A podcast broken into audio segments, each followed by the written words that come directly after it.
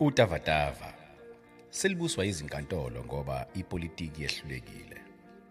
Ibhalwe ngumfoka noMajalimane. amandla! Awethu matsha kerona all power!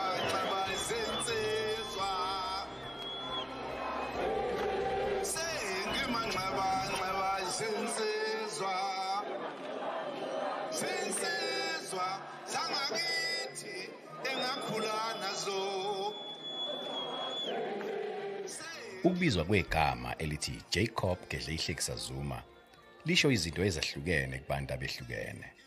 Kukhona elisho ubuqhawe nomnikelo emzabalazweni wabohlanga.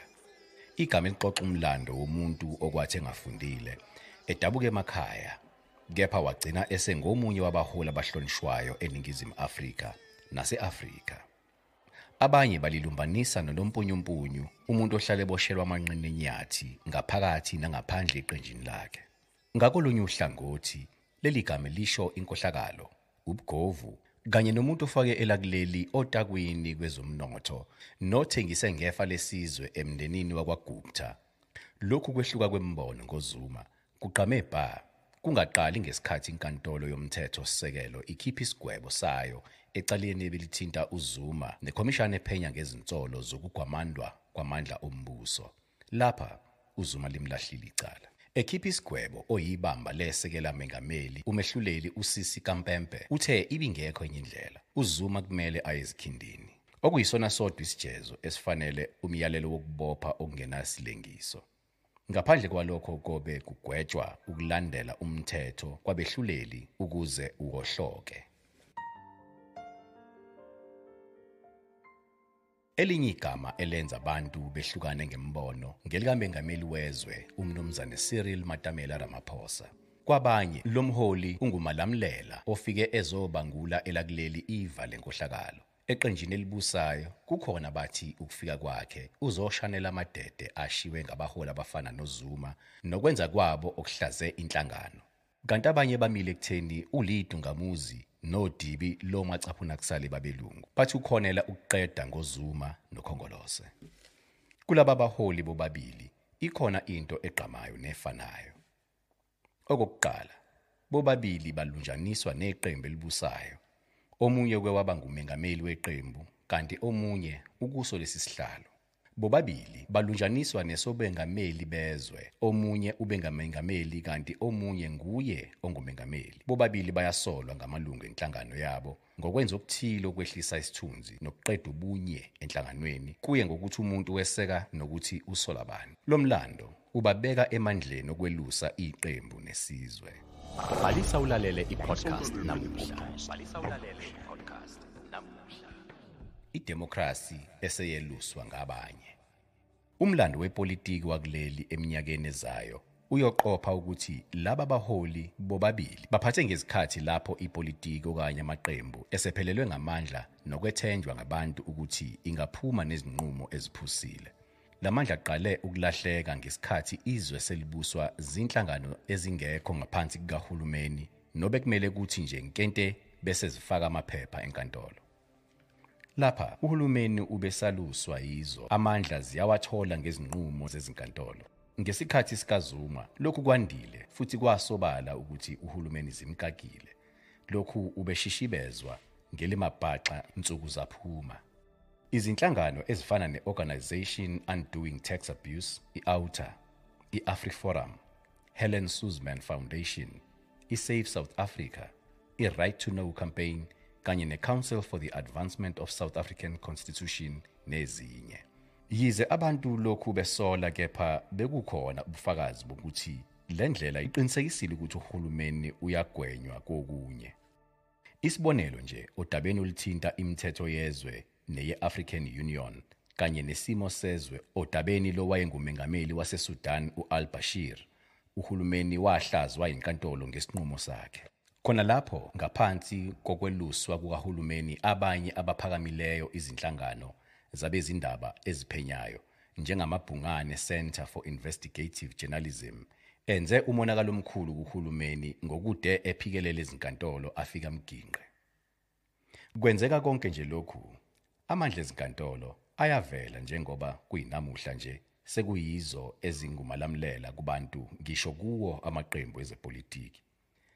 Ngezikhathi zikaZuma noRamaphosa kwande ukucebana ezinkantolo kwamalungu kaKhongolose abesola ubuholi kanjalo neqembu ngokwephula umthetho sisekelo kweqembu lokhu kuqale ezifundazweni ezifana neKwaZulu-Natal neFree State lapho amalungu kaKhongolose enakazane khona kwathula umoya lokhu kube sekugabhakela kuzo zonke izinhlaka njengoba sebebaningi abayisa iqembu enkantolo.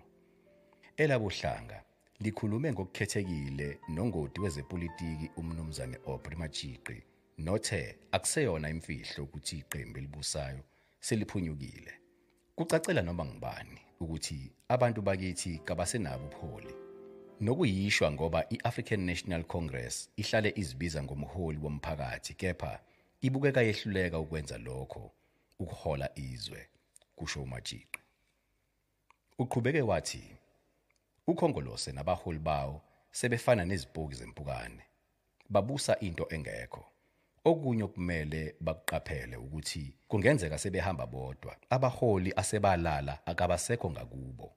Lokhu kokunye kungadalwa iqiniso lokuthi abaholi abakhona manje bathola izikhundla ngezindlela ezingalungile nezinomunywama lenhlangano idinga inhlambuluko kanjalo nesizwe ngoba uma kungenjalo lokho esikubonayo kokubheduka kwezinkinga kubo bonke ubuholi babohlanga kusazoqhubeka kusho yena. Nokuyinto ebonakala ukuthi isiyabaphunyuka. Okwenzeka kubo kuyisibuko salokhu okwenzeka ezweni ngobuholi nokuphunyuka kwabo ukubusa nokwelusa abantu kusho uMajiqi. Izinkantolo nepolitiki. Ukwehluleka kosopolitiki namaqembu abo ukuzilawula sekwenze izinkantolo zaba ngumalamulela nasezindabeni ezithinta ukwakhiwa kwemithetho. Lokhu sekudale inkulumo mpikiswano ekutheni kufanele noma lokhu akufanele. Esethulweni sithi fighting for their place constitutional courts and political actors.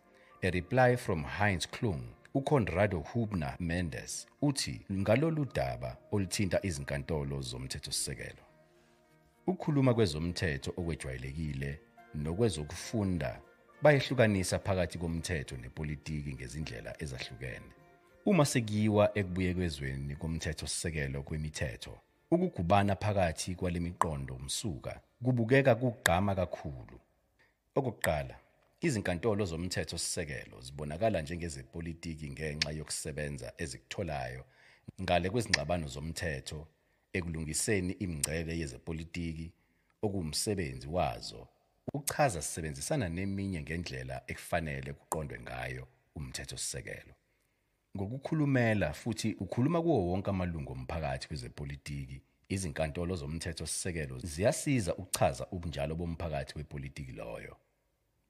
Ngokulandela lomgudu ngamanye amazwi inkantolo yomthetho sisekelo inobupolitiki ngoba imbandakanyeka enkimbinkimbi enqubeni yokwakhiwa kwemithetho okuvela ekuhlukaneni kokusebenza okuguquka njalo kancane kule minxa ehlukanisa amandla echaza kusethulo. Uyaqhubeka athi okwesibili asibonge umnjalo omncane obuthembakalayo beziqondiso zomthetho sisekelo ukubuyekeza ngokumthetho sisekelo kungathathwa njengokwezepolitiki ngenxa yokwazi ukuzithathela izinqumo. Umbhalo ngokomthetho sisekelo udinga izingxabano ngokukanembeza nangokucabanga ekusebenziseni ingqondonqangi nezindawo inkantolo ezithola isesijweni salokho okungamukeleki.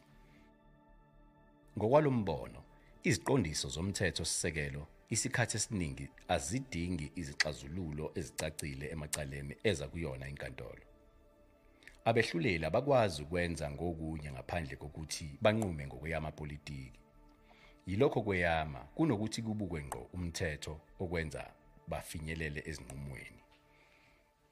Uphetha ngokuthi okwesithathu inkantolo ingabukwa njengenobupolitiki ngoba kufanele iphendule ezintweni ezifaka ipolitiki ezisibekela isinqumo. Ibheke ukuthi ungakanani umthelela wezinqumo icabange nokuthi yini engenzeka kwabanye abasebenza ngepolitiki okungathunaza ukusebenza kwayo.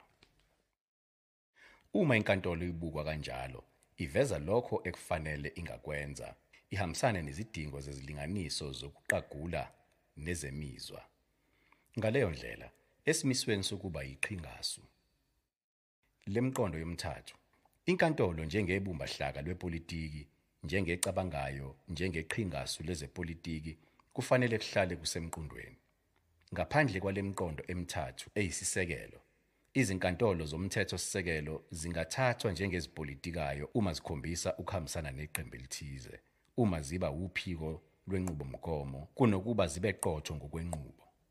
Okugcina, uma behluleli bakha amaqoqwana kunokuthi babe yingxenye yomzimba wamalungu ephelele futhi eziphatha ngokobuqhingasu kunokuthi asebenzisane njengozakwabo, izinkantolo zobukeka njengezipolitikayo, kuphetha uMendes. Okwenzeka kuleli phakathi kwezinkantolo, izinqumo zezepolitiki, noma ngabe uyavumelana nazo noma cha, kukhomba khona ukuthi amandla evoti nawokuthi nibaningi sekungenzeka ahlwithwe izinkantolo. Akukho nje ukungabaza ukuthi odabeni olufana nomhlaba kuyothi uma sebebhuquzisene abepolitiki bese isinqumo sigcina sishiwo izinkantolo kungakhathaleki ukuthi iningi lithini. Lokhu kusho ukuthi njengoba kuhlale kushiwo idemocracy iyakwazi ukuzixova izifake otavataveni iphinde izikhiphe. Inde bendlela sihamba Oh inde bendlela